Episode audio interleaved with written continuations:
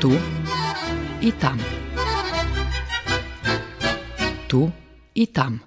Emisija o Rusnacoh, ktorí žijú vonka zo Srbiji, ich prešlim i buducim živoce, aktualnih zbuvanjoh i medzisobnih kontaktoh. Tu i tam. Dobri deň, počitovaní sluhače. Počina nova, osma sezona emisije Tu i tam. U nješkajše emisiji učujece rozvarku zo s Velimirom Paplackom, novinarom u penziji, kotri prešloho ljeta na festivalu Lemkivska vatra u Poljskej dostal nagradu za sotrudnictvo medzi ruskima, ukrajinskima i lemkovskima organizacijami.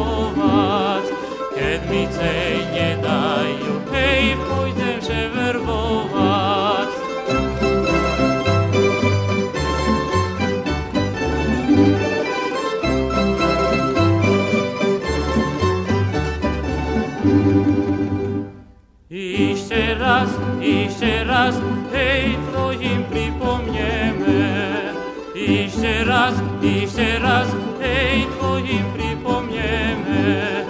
Sedmice nie dają, hej, nasze rozjedzemy. Kiedy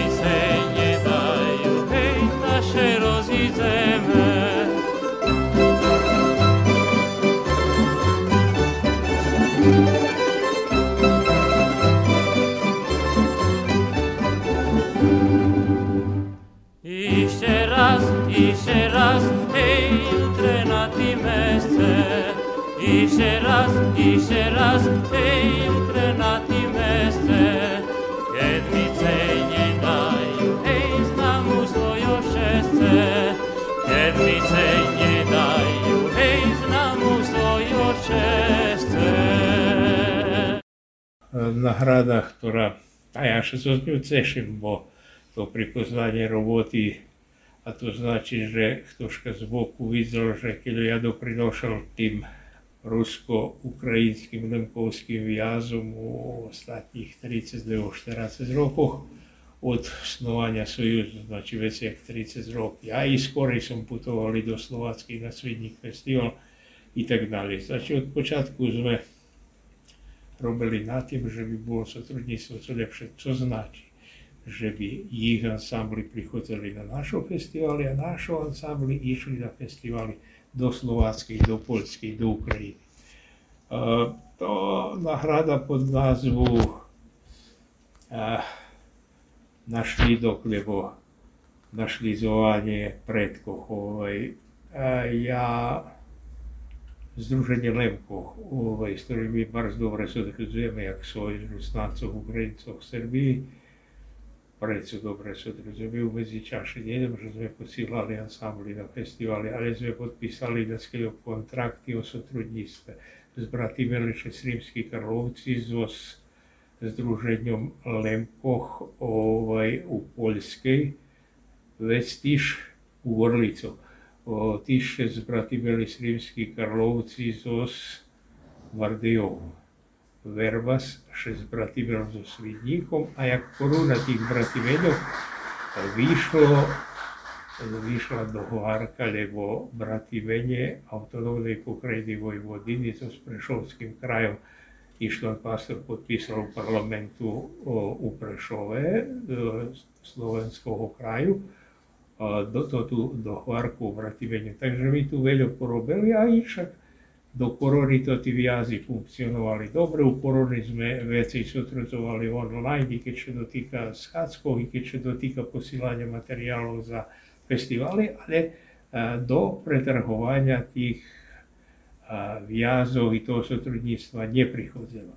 Môžem povedať, že ja nechcem nikoho ovaj, ukúdiť, lebo to, ale môžem povedať, že sme zo Slovácku i Polsku robili i z Ukrajiny robili lepšie na Bratsku, Horvátsku, ale a ceco, keď ste menšinou jednej žemi vec, a keď dva žemi dze máte menšinu Rusnácoch i Ukrajincoch, keď oni nie najlepšie sa trudzujú, veď výboh na co nemôžete bolo zvyčajno hamujú. Takže mali sme tu jeden čas, dok bola vojna i pretrhnúce sotrudníctvo v Slovácku, No našťastie evo i dneška tu na kongresu ovaj, s Novim Sadze máme i delegata zo Chorvátskej, to človek z Vojvodine Slavko Burda, ktorý prisutný, znači mi eh, še, 60 roky govorili, že by asociáciu Rusnácov Ukrajincov nevyrúceli zo Sfula pre ich aktivnosť, pre ich problémy posle vojny, ktorí mali, začúvali sme ich jak členoch a evo teraz oni, že revanšovali, prišli na kongres Fula tu do Nového Sadu u nás.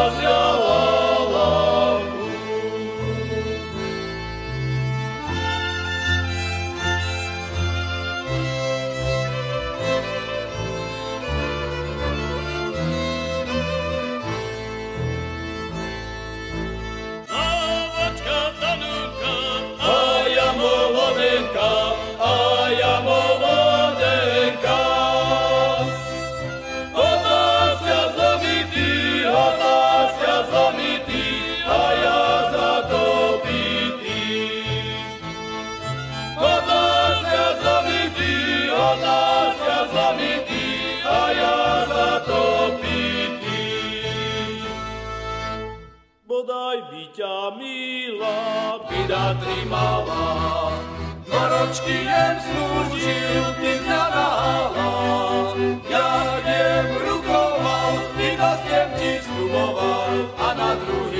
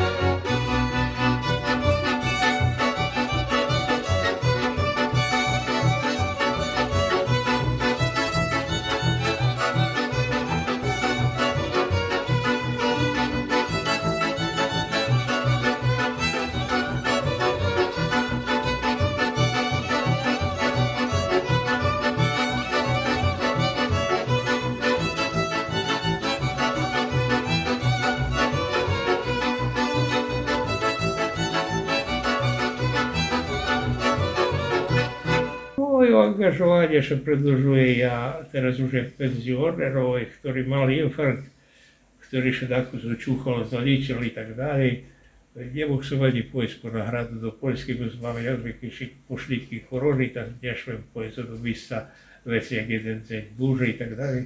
Bohdan Vyslavský predsedateľ prijal moje meno i prinies mi toto nahradu i ja môžem povedať, že toto nahradu po teraz bez ohľadu, keď som veci 30 roky, to teraz dostali v jakým hrubene i Bohdan Vyslavský, ja treci teraz do Srbii.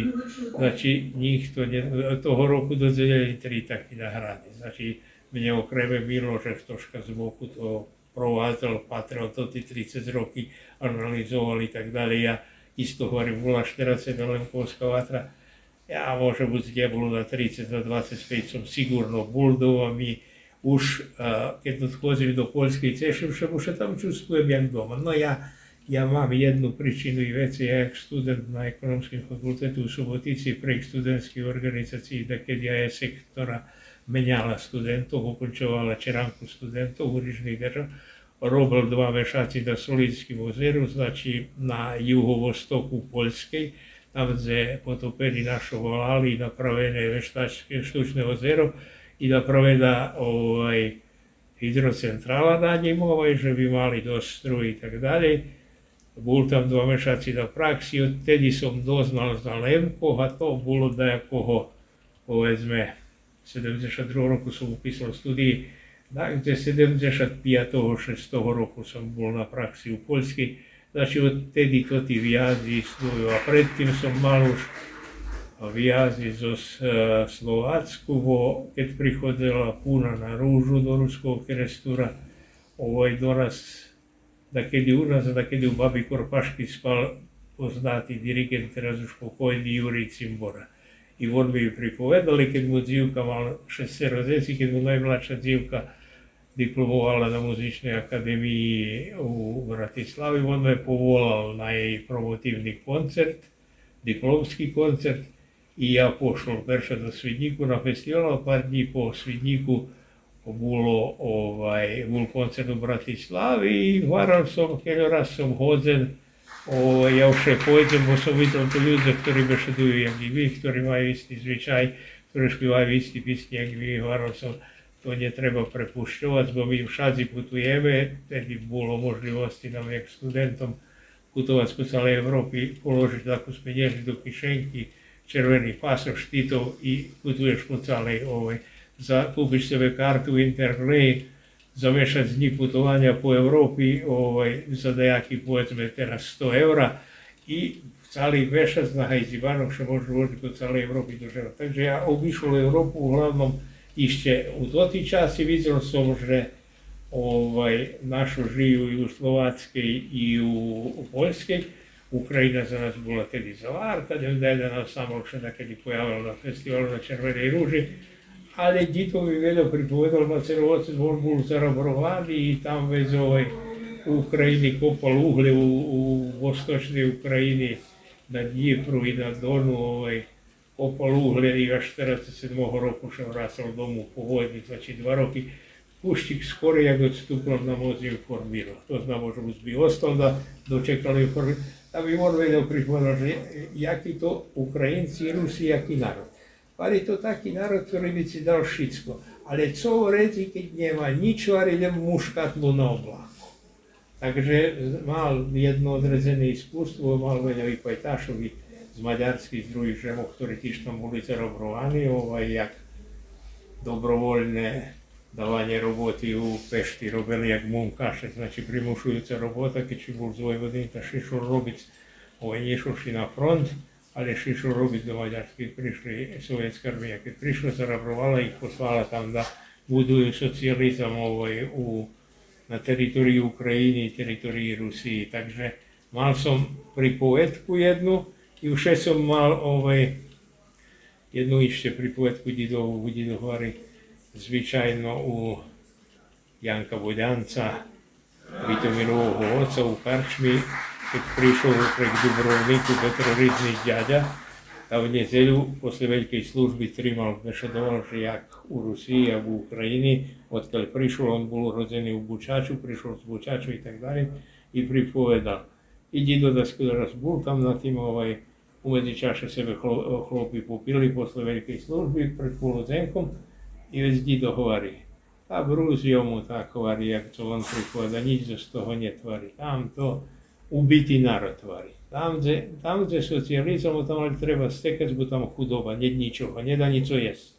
A u, u princípu on bol prav, bo my mali kušiky, všaký socializam tá bolo, jak bolo, ale bolo lepšie, ako SSR v každém slučaju. Oni pripovedajú, že a co, keď ty pôjdeš na trafiku, chceš kúpiť fotoaparát dva filmy, hovorí, nemôže dva, len jeden. No, a to vec, všetko si hovorilo. No,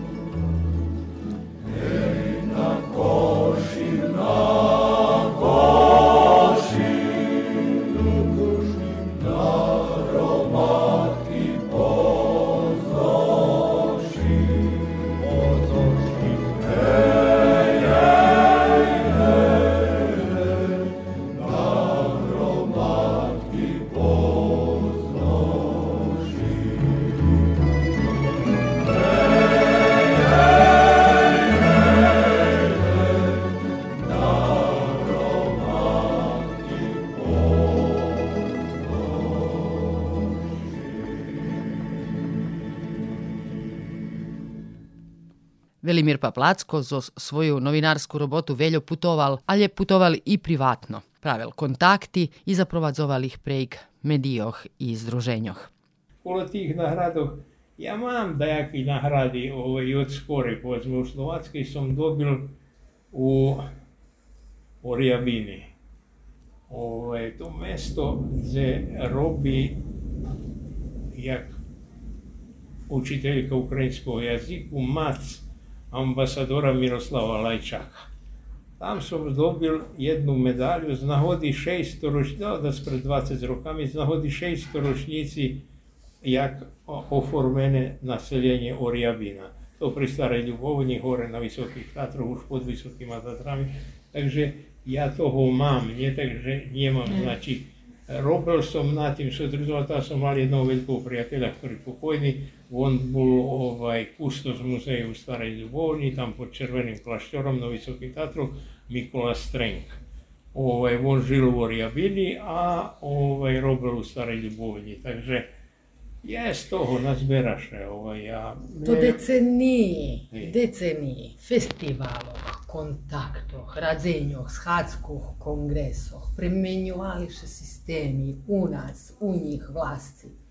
Nahradi taki jebo taki. Ja, ja, Що ви значуєте od toho všetkého? Е, Pa ja poviem troška, co znači. Ja keď bol som tu redaktor radiju, prešiel som od um, najmladšieho sotrudníka, ktorý mal zakončenú vysokú školu, teda zmeníka direktora radija ovaj, i bol som redaktor menšinskim redakcijom i tak dalje.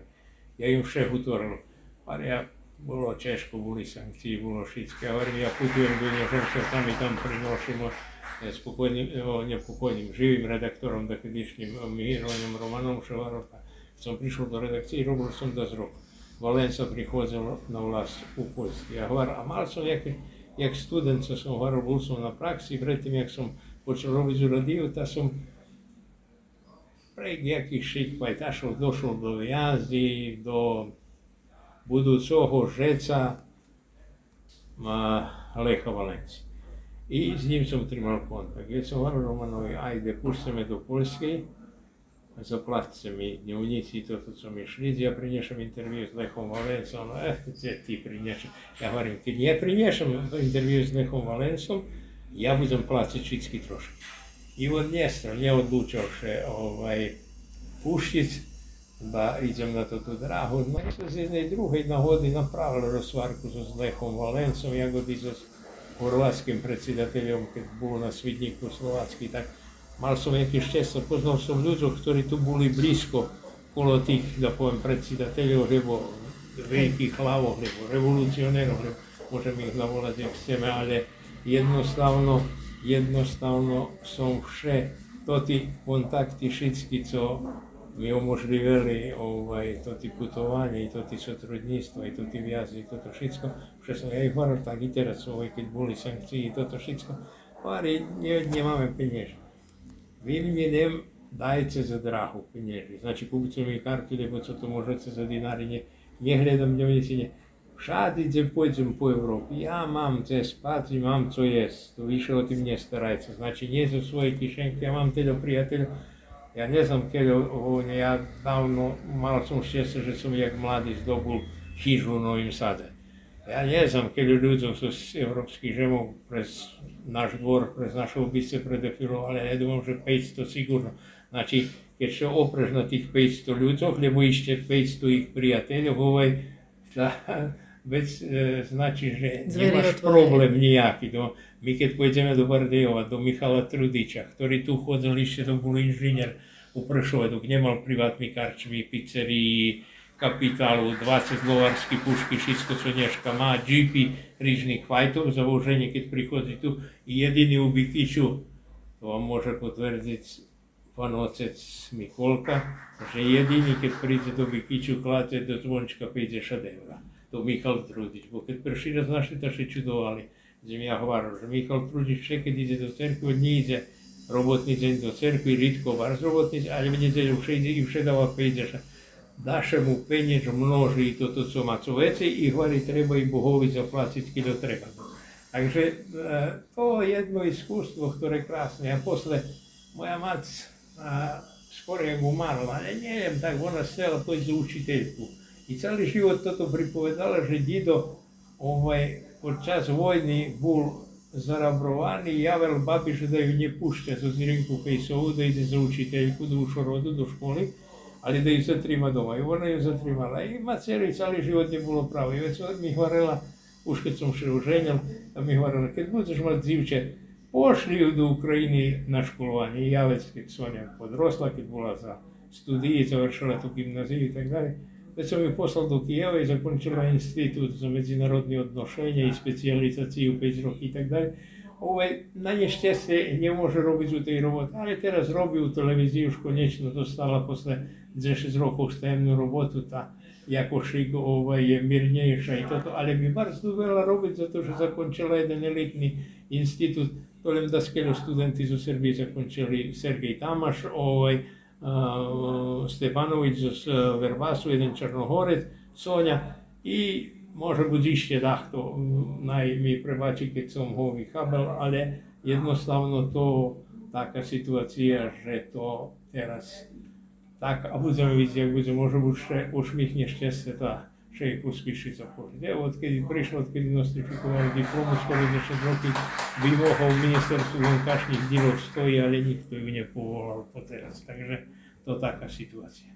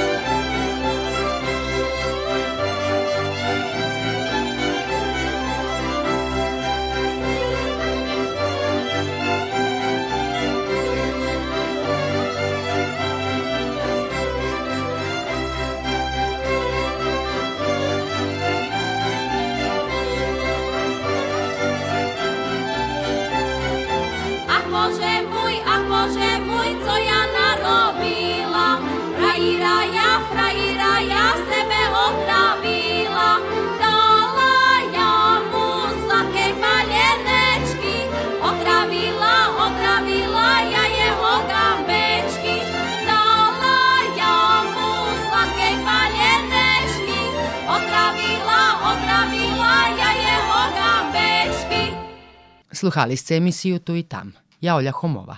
Do posluhanja.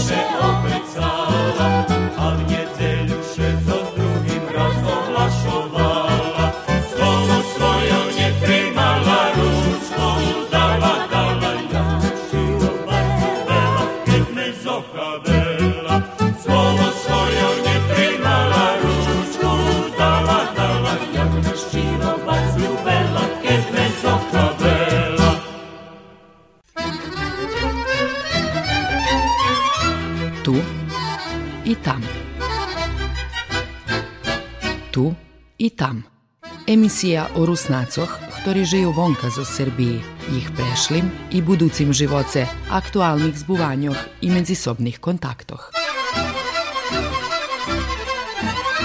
tu